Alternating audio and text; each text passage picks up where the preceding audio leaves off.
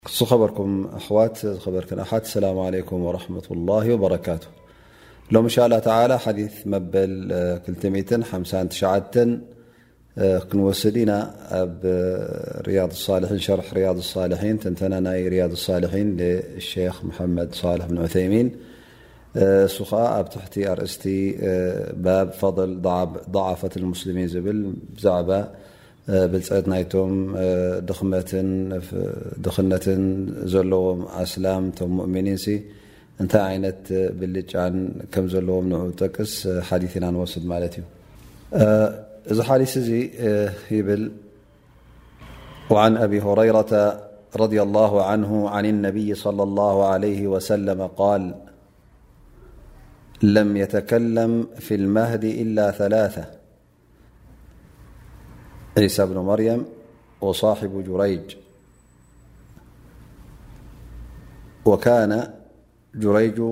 رجلا عابدا فاتخذ صومعة فكان فيها فأتته أمه وهو يصلي فقالت يا جريج فقال يا رب أمي وصلاتي فأقبل على صلاته فانصرفت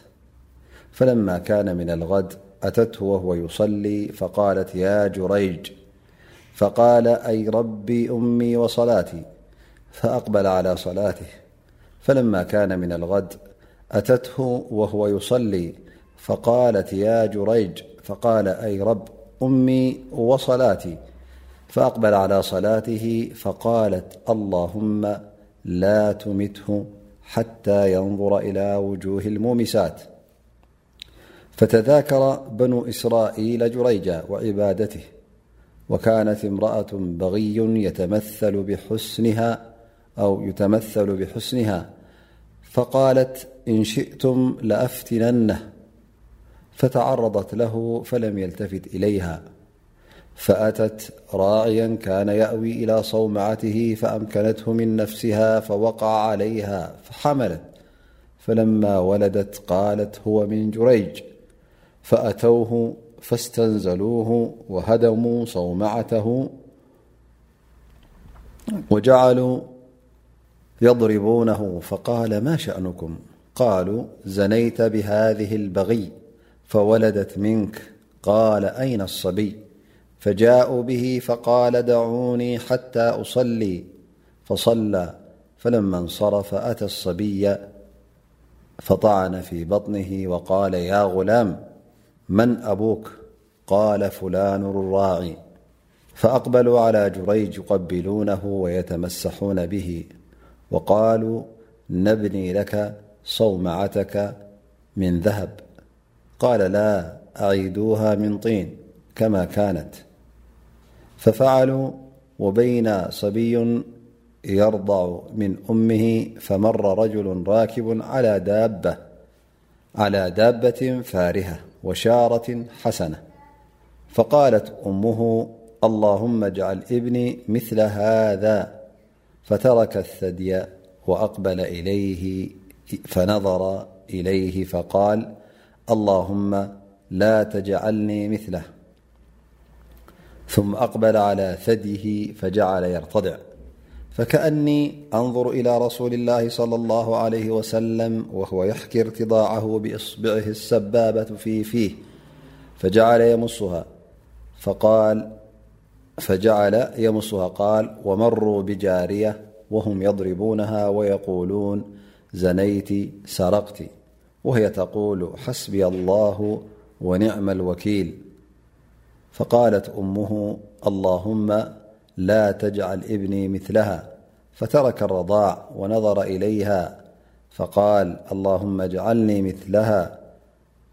فهنالك تراجع الحديث فقالت مر رجل حسن الهيئة فقلت اللهم اجعل ابني مثله فقلت اللهم لا تجعلني مثله ومروا بهذه الأمة وهم يضربونها ويقولون زنيترقت فقل اللهم لا تجعل بني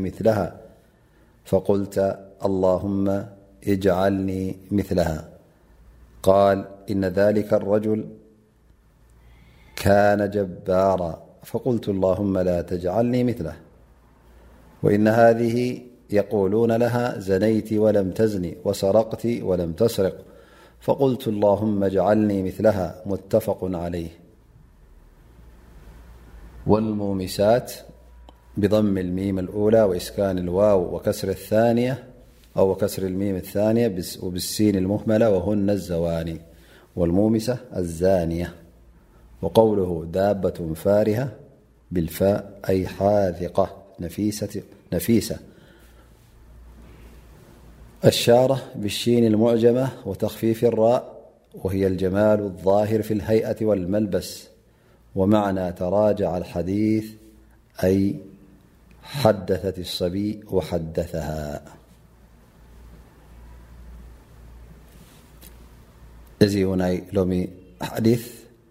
ነዊሕ ሓዲት እዩ ግን ብዙሕ ኣስተምህሮ ዘለዎ ብዙሕ ፋይዳ ክውሰዶ ዝከኣል እዩ መጀመርያ እንሻ ላ ተላ ብሕፅር ዝበለ ወይ ከዓ ብሕፅር ዝበለ ትርጉም ክንትርጉሞ ኢና እንሻ ላ ተላ ድሕሪኡ ናብቲ ተንተና ንኣቱ ኣብዚ ሓዲስ እዚ ነቢ ስለ ላሁ ለ ወሰለም ይብሉ ህፃኖም እከለዉ ወይ ከዓ ጌና ህፃናት እንከለዉ እተዛረቡ ሰለስተ ሰባት እዮም ነይሮም ሓደ ካብኣቶም ዒሳ ብኒ መርየም ትኻልኣይ ከዓ ሳሒቡ ጁረጅ ማለት እቲ ምስ ጁረጅ ዝተጠቐሰ ህፃን ጁረጅ ዝበሃል ሰብኣይ ዓብድ ዝኾነ ማለት ንኣላ ስብሓን ወተላ ምሉእ ግዜኡ ዝህብ ኣብ ዒባዳ ኣብ ኣምልኾት ንኣላ ስብሓን ወተዓላ ዘሕለፎ ማለት እዩ ተፈልዩ ንበይኑ ፀሎት ወይ ከዓ ድዓ ዝገብረላ ዝሰግደላ ቦታ ፈልዩ ኣብኣ ንኣላ ስብሓን ወተላ ዕባዳ ክገብር ግዜኡ ዘሕልፍ ዝነበረ እዩ ማለት እዩ ሕጂ ሓደ ግዜ ኣዲኡ ትመፆ ትፅውዖ ማለት እዩ እናሰገደ ከሎ ያ ጁሬጅ ጁሬጅ ኢላ ትፅውዖ ማለት እዩ ሽዑ ኣንታ ረቢ ኣደይ ትፅውዓኒላ ኣነ ድማ ሕጂ ሰላት ጀሚረ ሰግድ ኣለኹ እንታይ ክገብር ኢሉ ኣይመለሰላን ማለት እዩ ኣዲኡ ፀዊዓቶ ምስ ኣይመለሰላን እንታይ ይገብር ማለት እዩ እሳ ትምለስ ንገዛ ካልኣይ መዓልቲ መፅያ ውን ትፅውዖ ማለት እዩ ያ ጁረጅ ትብል ኣብስዕ ውን እናሰገደ ይፀንሕ ድዓ እናገበረ ናብ ኣላ ስብሓን ወተላ ተወጅሁ ኣንታ ጎይታይ ኣደይ በዚ እዛ ሰላተይ ድማ በዚኣ ኮይናኒ ኢሉ ኣይመለሰላን ማለት እዩ ልክዕ ከምኡ ውን ንፅባሒቱ መፅያ ብ ሳልሳይ መዓልቲ ትፅውዖ ማለት እዩ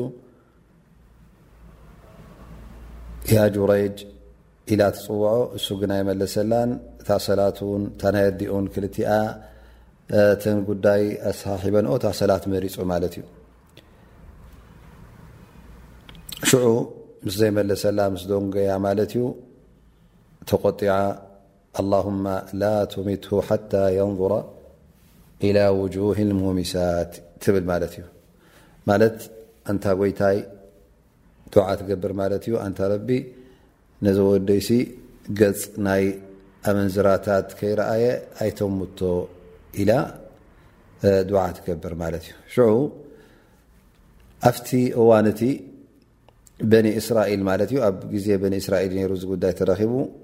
ኣንቱም ብዛዕባ ጁሬጅ ከ ንኣላ ስብሓን ወተላ ብፅቡቕ ከመይ ገይሩ ድዓ ዝገብር ንፉዕ ሰብኣዩ ፈራህ ረቢ እዩ ገሌታት ኢሎም እዛረቡ ነይሮም ማለት እዩ ሕጂ ሓንቲ ካብተን ኣመንዝራ ትብል ፅብቕቲ መልክዕ ዝነበራ እያ እሞ ፍልጥቲ ውይቲ ዝኾነት ኣመንዝራ እያ ነራ እሞ እስኹምሲ ከምዚ ገርኩም ጠቕስዎ ዘለኹም ኣነ ከውድቆ ይኽእል እየ ኣብ ሕማቕ ነገር ኣብ ምንዝርና ኢላ ትዛረቦ ማለት እዩ እሶም ከዓ ክትዕ ይገብሩ ምስ ማለት እዩ ዋእሰቕስ ፈፂም ከይትኽእልን ዩ ምስ በልዋ ላስ ክትርእን ኢኹም ኢላ ትኸይድ ማለት እዩ ነዚ ሰብኣይ እዚ ነዚ ጁሬጅ ዝበሃል ከተጋግዮ ከተስሕቶ ግን ከተስሕቶ ኣይከኣለትን ኣብ መጨረሻ ንሓደ ጓሳ ኣብቲ ቦታ ምስ ጁሬጅ ዝሓድር ዝነበረ ንዕኡ ከም ዝረክባ ገይራቶ ማለት እዩ እሱ ተጋሲስዋ ካብኡ ትጠንስ ማለት እዩ ምስ ወለደት ምስ ሓረሰት እንታይ ትብል እዚ ህፃን እኮ ካብ ጁሬጅ ዝወለድክዎ እየ ትብሎም ማለት እዩ ከምዚ ምስ በለቶም እቶም ህዝቢ ማለት ብጣዕሚ ተቆጢዖም እዚ ሰብኣይ እዚ ከምዚ ኢሉ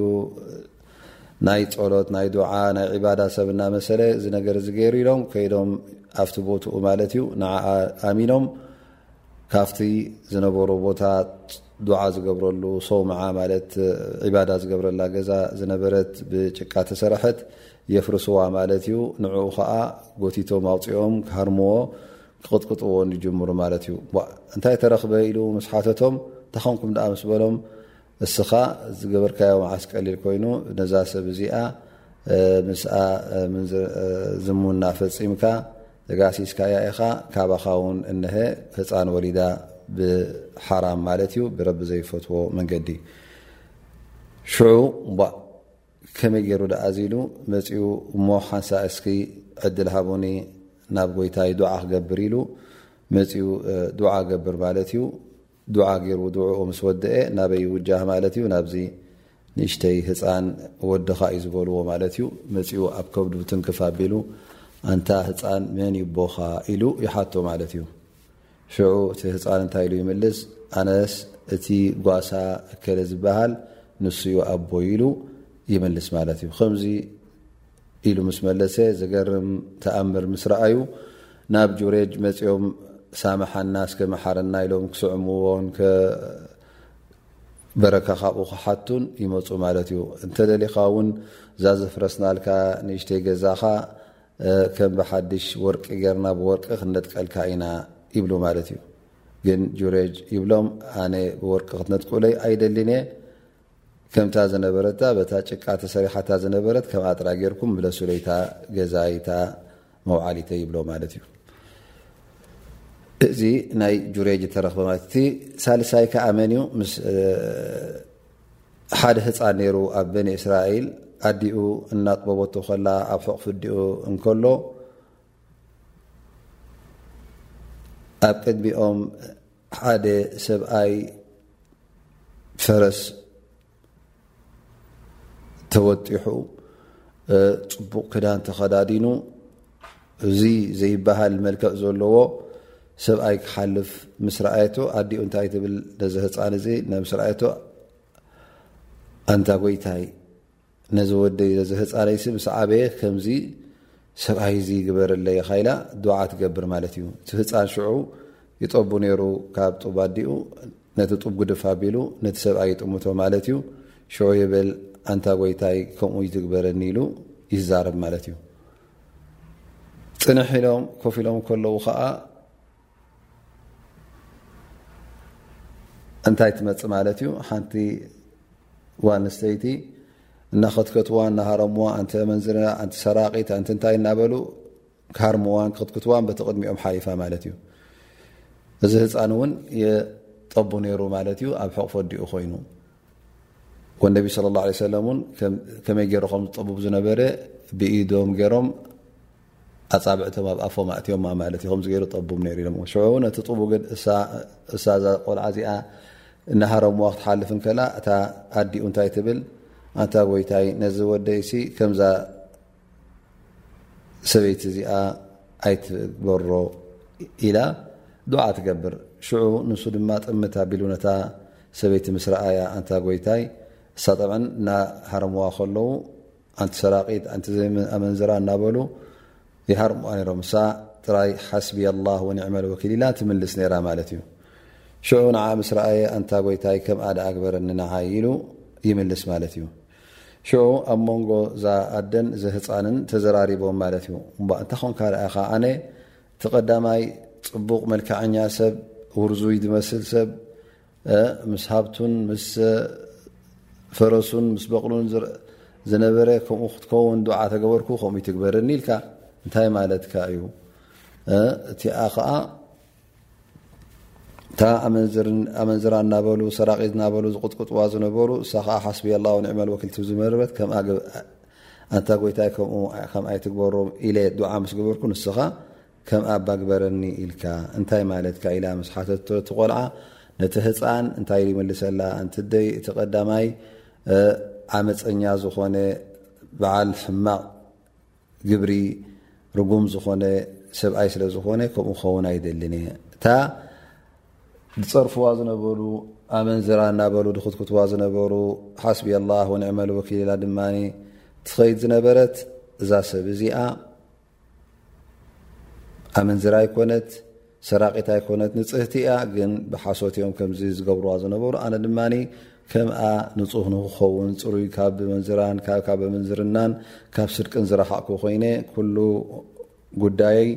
ናብ ጎይታ ናብ ኣላህ ዘፀግዕ ንክኸውን ከምኣየ ተመኒየ ኢሉ ተዛሪቡ ማለት እዩ እዚኦም እዮም እቶም ሰለስተ ኣብዛ ሓዲስ እዚኣ ተጠቐሱ እቶም ብህፃኖም ተዛረቡ ማለት እዩ ካብዚ ናፍቲ ሰፊሕ ትንተና ክንኣቱ ብ ነቢ ስ ሰለም ኣብቲ መጀመርያ ሓዲስ ኢሎም ለም የተከለም ፊ ልማህዲ ኢላ ሰላስ ሰለስተ ኦም ብህፃኖም እንከለዉ ገና ግዜ ናይ ዘረባ ከይኣኸለ ከሎ እቲ ህፃን ተዛረቡ ሰለስተ ኦም ኢሎም እነቢ ስ ሰለም ጠቂሶም እቲ ቀዳማይ ጠበን ዒሳ ብኒ መርያም እዩ ሳ ብኒ መርያም ዛንትኡ ኣብ ቁርን ስለ ተጠቐሰ ነቢይ صለ ላ ለ ወሰለም ብዛዕባኡ ትንተና ኣይሃቡን ምክንያቱ ዛንታ ናይ ነብላ ሳ ብኒ መርያም ለ ሰላም ኣብ ቁርን ስለተጠቐሰ እቶም ዝሰምዑ ዝነበሩ ይፈልጥዎ ማለት እዩ ዒሳ ብኒ መርየም ጠ እቲ ናይ መጨረሻ ነቢ ካብ ኣንብያ በኒ እስራኤል ተላእከ እዩ ብድሕሪኡ ነቢና ሙሓመድ ለ ላ ለ ሰለም መፅኦም ካብ ዓረብ ተላኢኾም ማለት እዩ ኣብ መንጎ ነቢና ሙሓመድ ለ ላ ሰለም ኣብ መንጎ ዒሳ ድማ ነቢ የለን ذ ስብሓ ወ ከምቲ ኣብ ቁርን ዘሎ ወ ቃላ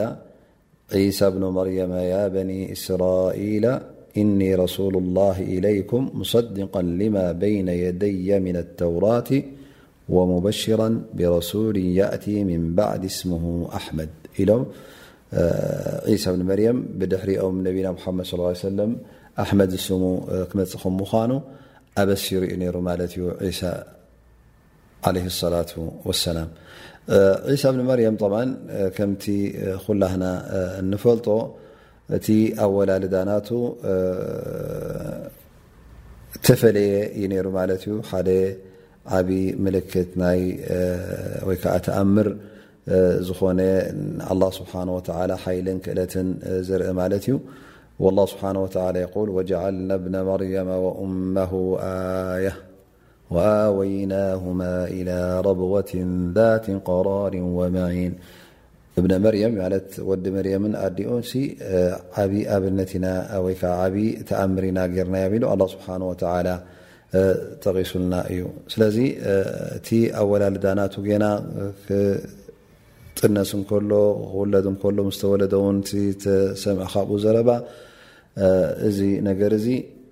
ውሩይ ነገር እዩ ጠብዓ ኣብ ቁርን ስለ ተጠቐሰ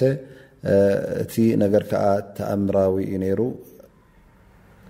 መርም ረድ ላሁ ዓንሃ ዓለይሃ ሰላም ጥንስናታ ብዒሳ ብኒ መርየም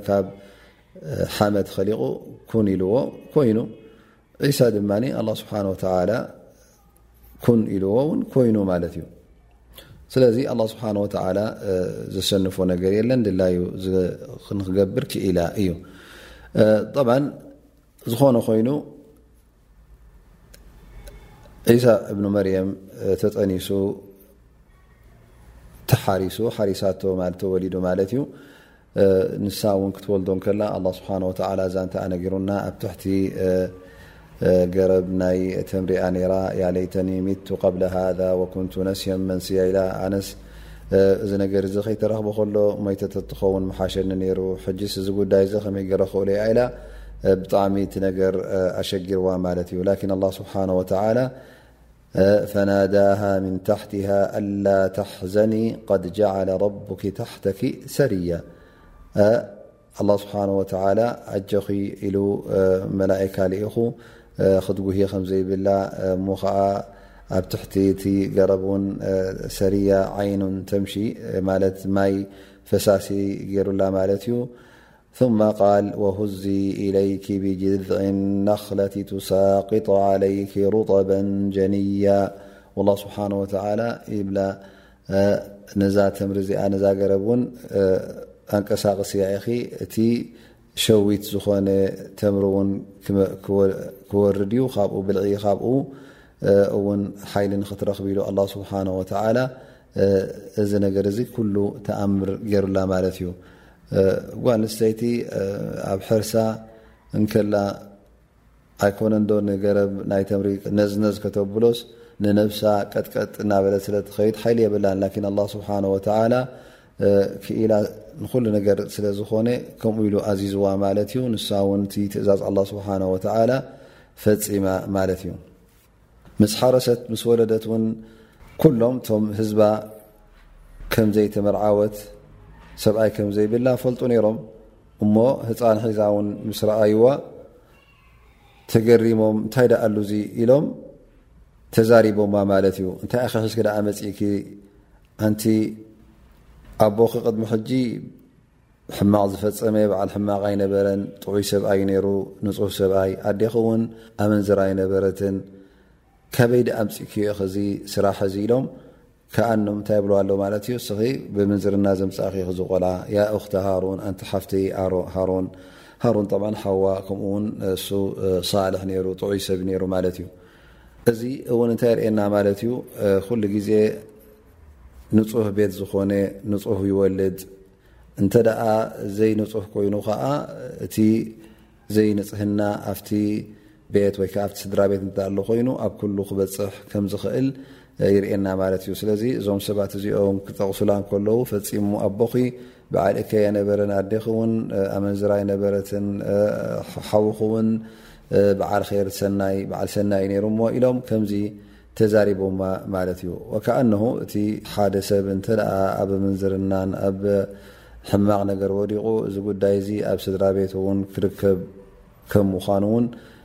ይበርሃልና ማለት ከማ ጃ ፊ ኣር መን ዘና ዘና ኣህልሁ እንተ ኣመንዝርና ተረኪብካ እስኻ ኣብቲ ስድራኻ ውን ዝነገር እዚ ክርከብ ከም ምኳኑ ሓደ ካብቲ ኣብ ኣዱንያ ከለኻ ዝረክበካ መቕፃዕቲ ከም ምኳኑ ይበርሃልና ማለት እዩ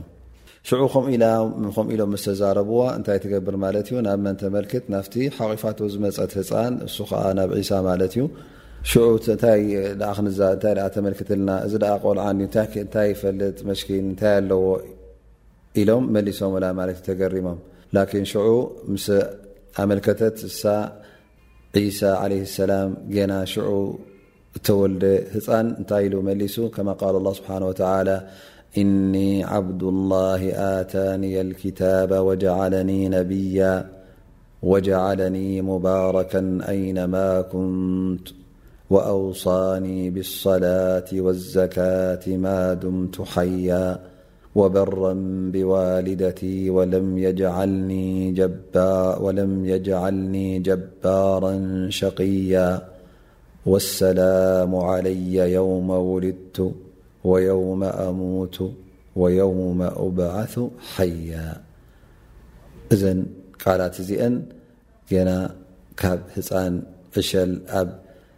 ሕቕፍዲኡ ዘሎ ቆልዓ ከምዚ ሰሚዖም ማለት እዩ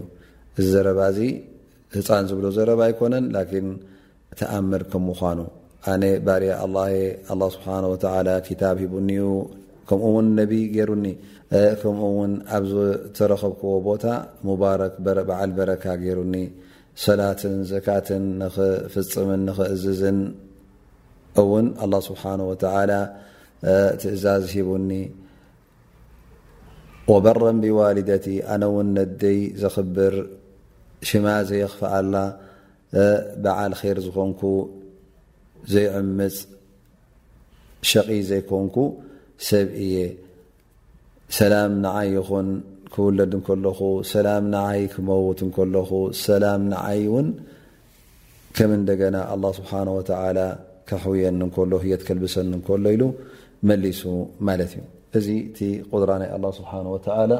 ክእለት ናይ ኣላ ስብሓን ወተዓላ የርእየና ማለት እዩ ጠብዓ ካብዚ ነገር እዚ ምናልባሽ ዘገርም ተኣምር ኮይኑ ይረኣየና ደኣ እምበር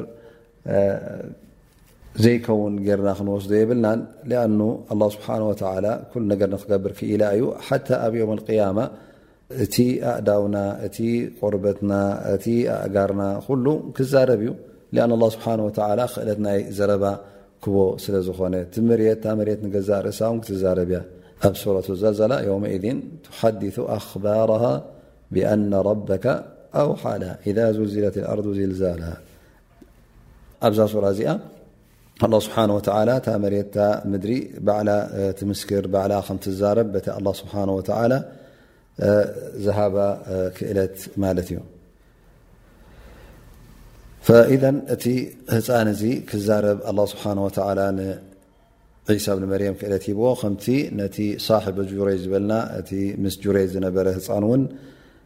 ትኻልኣይ ማለት እዩ ቀዳማይ ዒሳ ትኻልኣይ ከዓ እቲ ጁሬድ እቲ ህፃን ወድኻ እዩ ዝበልዎ ወዱ ከምዘይኮነ እውን ዘብርሀ ዛንትኡ እውን ከምቲ ንሕና ዝሰማዕናዮ ወ ኣብቲ ሓዲስ ሕፅር ዝበለ ዝጠቐስናዮ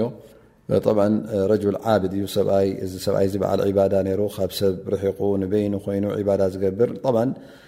ሃል ካብ ሰብ ርሕቕካ ሕጂ በይንኻ ተወፈሪኻ ዕባዳ ክትገብር እሱ ደበልፅ ወይስ ምስ ሰብ ኮንካ እቲ ህወትካ ንሰብ እናመኸርካ ንሰብ ርና ነዛሕካ ምንባር ይሽ እንተ ክበሃል ኮይኑ ጠብ እቲ ዝበለፀ ምስ ሰብ ተሓዋዊስካ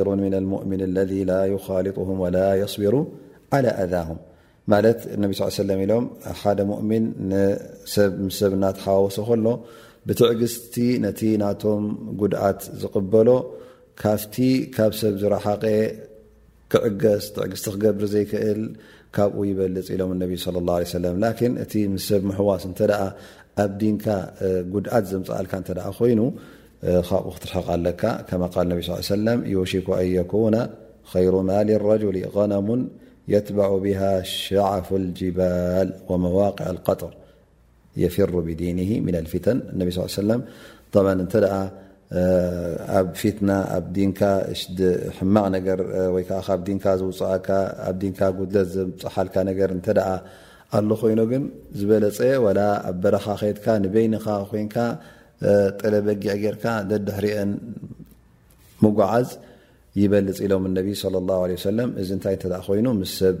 ተኣኪብካ ወይ ከዓ ምስ ሰብ ተሓዋዊስካ ንዲንካ ኣብ ፊትናን ንዲንካ ዘጉድለልካን ንዲንካ ዘበላሽወልካን እንተ ኮይኑ ማለት እዩ ላኪን እንተ ሰብርን ትዕግስትን ክትገብር ትኽእል እንተ ኮይንካ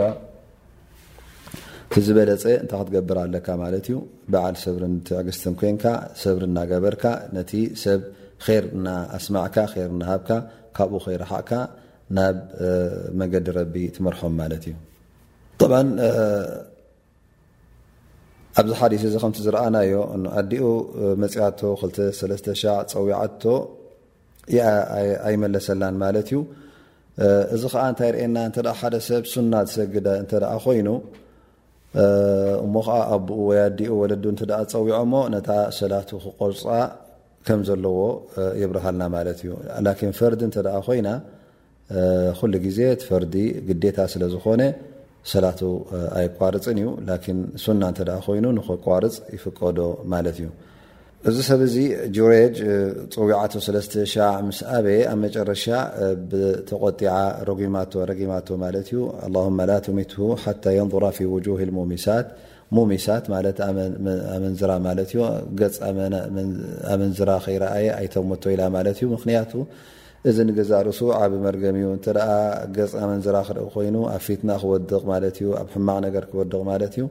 ላኪን ኣላ ስብሓን ወተላ ዓሰመሁ በቲ ዝገብሮ ዝነበረ ዒባዳ ኣላ ስብሓን ወተላ ካብዚ ፊትና እዚ ኣውፅዎ ማለት እዩ ጠብዓ ኣብቲ ግዜ እቲ ከምቲ ዝበልናዮ ንጁሬጅ ከተጋጊላ ሓንቲ በቲ ብሰንኪ እዚ ዱዓ ናይ ኣዲኡ እዚ ሓንቲ ካብተን ኣመንዝራ ከተጋግዮ ፈቲና ግን ኣላ ስብሓን ወተላ ሓልዎ ማለት እዩ ብሓለዋ ኣላ ስብሓን ወተላ እውን ካብቲ ሽግር ወፅኡ ማለት እዩ ብ ኣብቲ ናይ ሰላት ምቁራፅ ዝበልና ሓደ ሓደ ግዜ እቲ ናይ ወለድኻ ጠባይ እውን እተ ትፈልጡ ኮንካ እሞ እተ መሊስካ ኣሎም ድህወኹ ከም ምኳኖም ወይ ከዓ ስለምንታይ ደይመለሰልና ኢሎም ዝቁጡዑ እተ ኮይኖም ትቆርፅ ማለት እዩ ን እተ እቶም ወለድኻ ጸዊዖምኻ ኣብ ሰላት ከም ዘለኻ እንተ ምልክት ሂብካዮም ኢልካ ወይ ከኣ ካብቲ ትቀርኦ ዝነበርካ ኣያታት ሰሚዖም ትዕግስቲ ዝገብሩ እንተ ኮይኖም ሰላትካ ትምልእ ማለት እዩ ላኪን እዚ ከመይ ጌርካ ትፈልጦ ማለት እዩ ጠባይ ናይ ወለድኻ ክትፈልጥ ኣለካ ማለት እዩ ኣለዉ ወለዲ ኩሉ ግዜ ህዉኻ ዝኾኑ እተ ሓንሳ ክልተሻ ፀዊዖምኻ ዘይመለስካሎም ዝቁጥዑን ዝንድሩን እተ ኮይኖም ኣብቲ ሱና ሰላት ክትሰግድ ከለኻ ዋላ ነታ ሰላት ተቋርፃ ማለት እዩ ወለዲ ኩሉ ግዜ ራሕማን ሸፈቃን ዘለዎም እዩ ን ሓሓደ ግዜ እ ተቆጢዖም ዓ ኣንፃርካ ወይከዓ ዓ ገይሮም ከብፅሑ ስለዝኽእሉ ካብ ቁጣዓ ናቶም ክትጥንቀቕ ኣለካ ማለት እዩ እዚ ነገር እዚ እውን ኣብዚ ናይ ጁሬጅ ትሪኦ ኣለኻ እዚ ሰብ እዚ በዓል ዱዓ እዩ ነይሩ በዓል ዒባዳ እዩ ነይሩ ፈራህ ረቢ እዩ ነይሩ ላኪን ብሰንኪ ናይ እዛ ኣዲኡ ዱዓ ዝገበረታ ኣብ ሕማቕ ንክወድቕ ዳርጋ ተቀራሪቡ ነይሩ ኣላ ስብሓን ወተላ ተዘይለጥፈሉ ማለት እዩ ምክንያቱ በቲ ታ ኣመንዝራ ዝገበረቶ ሕፋሒሻ ወይ ከዓ ተጋሲሱኒኢላ ምስ ሽሙ ምሰካፈአቶ እቲ ዝረኸቦ ሽግር ተሃሪሙ ተወቂዑ ካብቲ ገዝኡ ተሳሒቡ ስሒቦም ኣውፅኦሞ እታ ገዝኡ ፍሪሶማ እታ ዕባዳ ዝገብረላ ዝነበረ ላኪን ኣላ ስብሓን ወተላ ከምቲ ዝበልናዮ ነቲ ህፃን ከም ዝዛረብ ገይርዎ ብኡ ከዓ ነፃ ወፅኡ ማለት እዩ ካብኡ ከም ዘይኮነ ንሱ ሕማቕ ነገር ከም ዘይፈፅመ እውን በሪህሎም ማለት እዩ ላ ስብሓን ወተላ ኣብዚ ከምዚ ንኸይወድቕ ወዲ ሰብ ረቢ እዩ ትቐንዲ ዝሕልወካ ላኪን እቲ ናይ ወለዲ ቁጣዓ ውን ካብኡ ክትጥንቀቕ ከም ዘለካ ይርእየና ማለት እዩ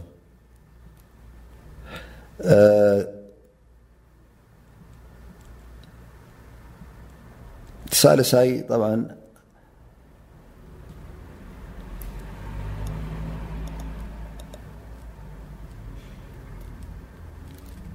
ብህፃኑ ተዛረበ ማለት እዩ እቲ ህፃን ተዛረቦ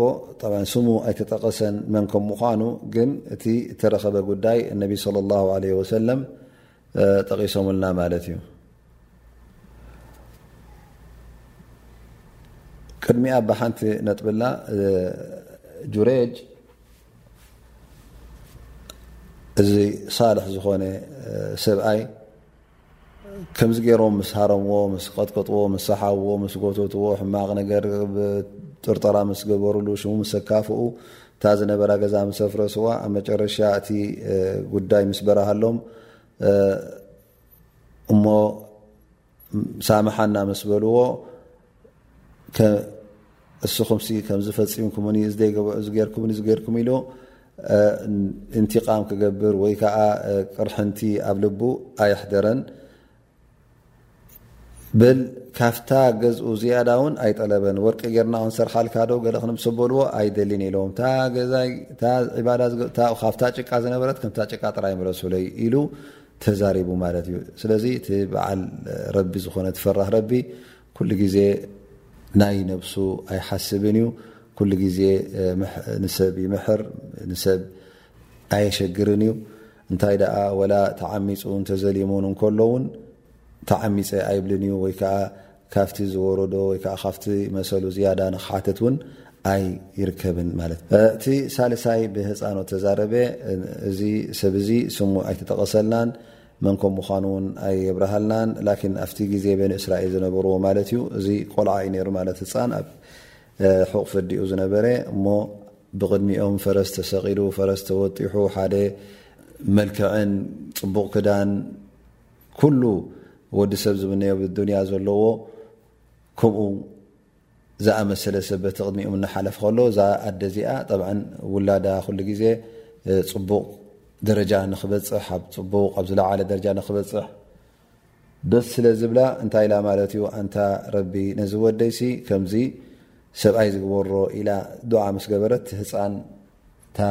ዝጠልዋ ዝነበረ ኣውፅእ ኣቢሉ ኣንታ ረቢ ከምኡ ይትግበረኒ ኢሉ ማለት እዩ ድሕሪኡ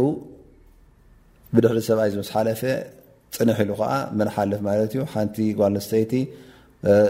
እናሃረምዋን እነገረፍዋን ኣንቲ ኣመንዝርና ኣንቲ ሰራቂት ኣንቲ እንታይ እናበሉ እናካፍእዋ ትሓልፍ ማለት እዩ እሳ ከዓ ሓስብያ ላ ወኒዕመ ወኪል ሓስብያ ላ ወኒዕመ ወኪል ጥራይ ኢላ ትምልሰሎም ማለት እዩ እሞ እዛ ኣደ ድማ ውርደት ናይ ዛጓል ንሰይቲ እዚኣ ምስ ረኣየት ካብ ውርደት ውላዳ ምእንቲ ክሕሎ ኣንታ ጎይታይ ወደይሲ ከምዛ ሰብ እዚ ኣይትግበሮ ኢላ ዱዓ ትገብር ሽዑ ንሱ ድማ እዚ ህፃን እዚ ታጡብፀቧ ዝነበረ ግድፍ ኣቢሉ ምስ ረኣያ ነታ ጓንስተይቲ ኣንታ ጎይታይ ከምኡ ባ ከም ኣባ ግበረኒ ኢሉ ዱዓ ይገብር ማለት እዩ ሽዑ እታ ኣደ ነዚ ቆልዓ ከምዚ ኢሉ ተዛረበ ገና ብህፃኑ ከሎ ምስኡ ትዛረብ እንታይ ማለትካ እዩ ነቲ ቀዳማይ ሲ ከምዝን ከምዝን ኢለካ ከምኡይ ትግበርኒ ኢልካ እዚኣ ድማ ከምኣ ንኸይትኸውን ዱዓ ገይረ እስኻ ድማ ከምኣ ክኸውን ኢልካ ጠሊብካ እንታይ ማለትካ እዩ ኢላ ምስ ሓተተቶ እቲ ቀዳማይቲ ሰብኣይ ብጣዕሚ ዓመፀኛ ዝኾነ ጀባር ረቢ ዘይፈርህ እዩ እሞ ስለዚ ኣነ ከምኡ ኸውን ኣይደለኹን ይብላ ማለት እዩ እታ ካልኣይቲ ድማ እታ ጓል ኣንስተይቲ ዝጸርፍዋን ዝገርፍዋን ዝነበሩ ዝገበረቶ ገበን ስለ ዘይነበረ እሳ ንጽህትን ጽሪትን ካብ ኣመንዝርናን ካብ ስርቅን ካብ ኩሉ ሕማቅ ነገራት ንጽህቲ ስለ ዝኾነት ኣነ ከምኣ ንጹህ ንክኸውን እየ ተመንየ እቲ ጉዳይ ድማ ናብ ኣላ ስብሓን ወተላ ክገብሮ እሳ ሓስቢ ኣላ ወኒዕመ ወኪል ኢላ ትዛረብ ስለ ዝነበረት ኣነ እውን ሓስቢ ኣላ ወኒዕመ ወኪል ኢለ ኩሉ ነገራተይ ናብ ጎይታይ ዘጸግዖ ንክኸውን እየ ዱዓ ዝገብርን ዝምነይን ነረ ኢሉ መሊሱ ማለት እዩ እዚ ሓዲስ እዚ በዚ ድምደም እዚ ከዓ እቶም ሰለስተ ሰባት ብህፃኖም ተዛረቡ ብዛዕባኦም ተጠቂሱልና ማለት እዩ ላኪን እንታይ እዩ ዘርእየና ዘሎ ምስቲ ኣርእስትና እንታይ ርክብ እዩ ዘለዎ እንተ ኢልና እነሀ እቲ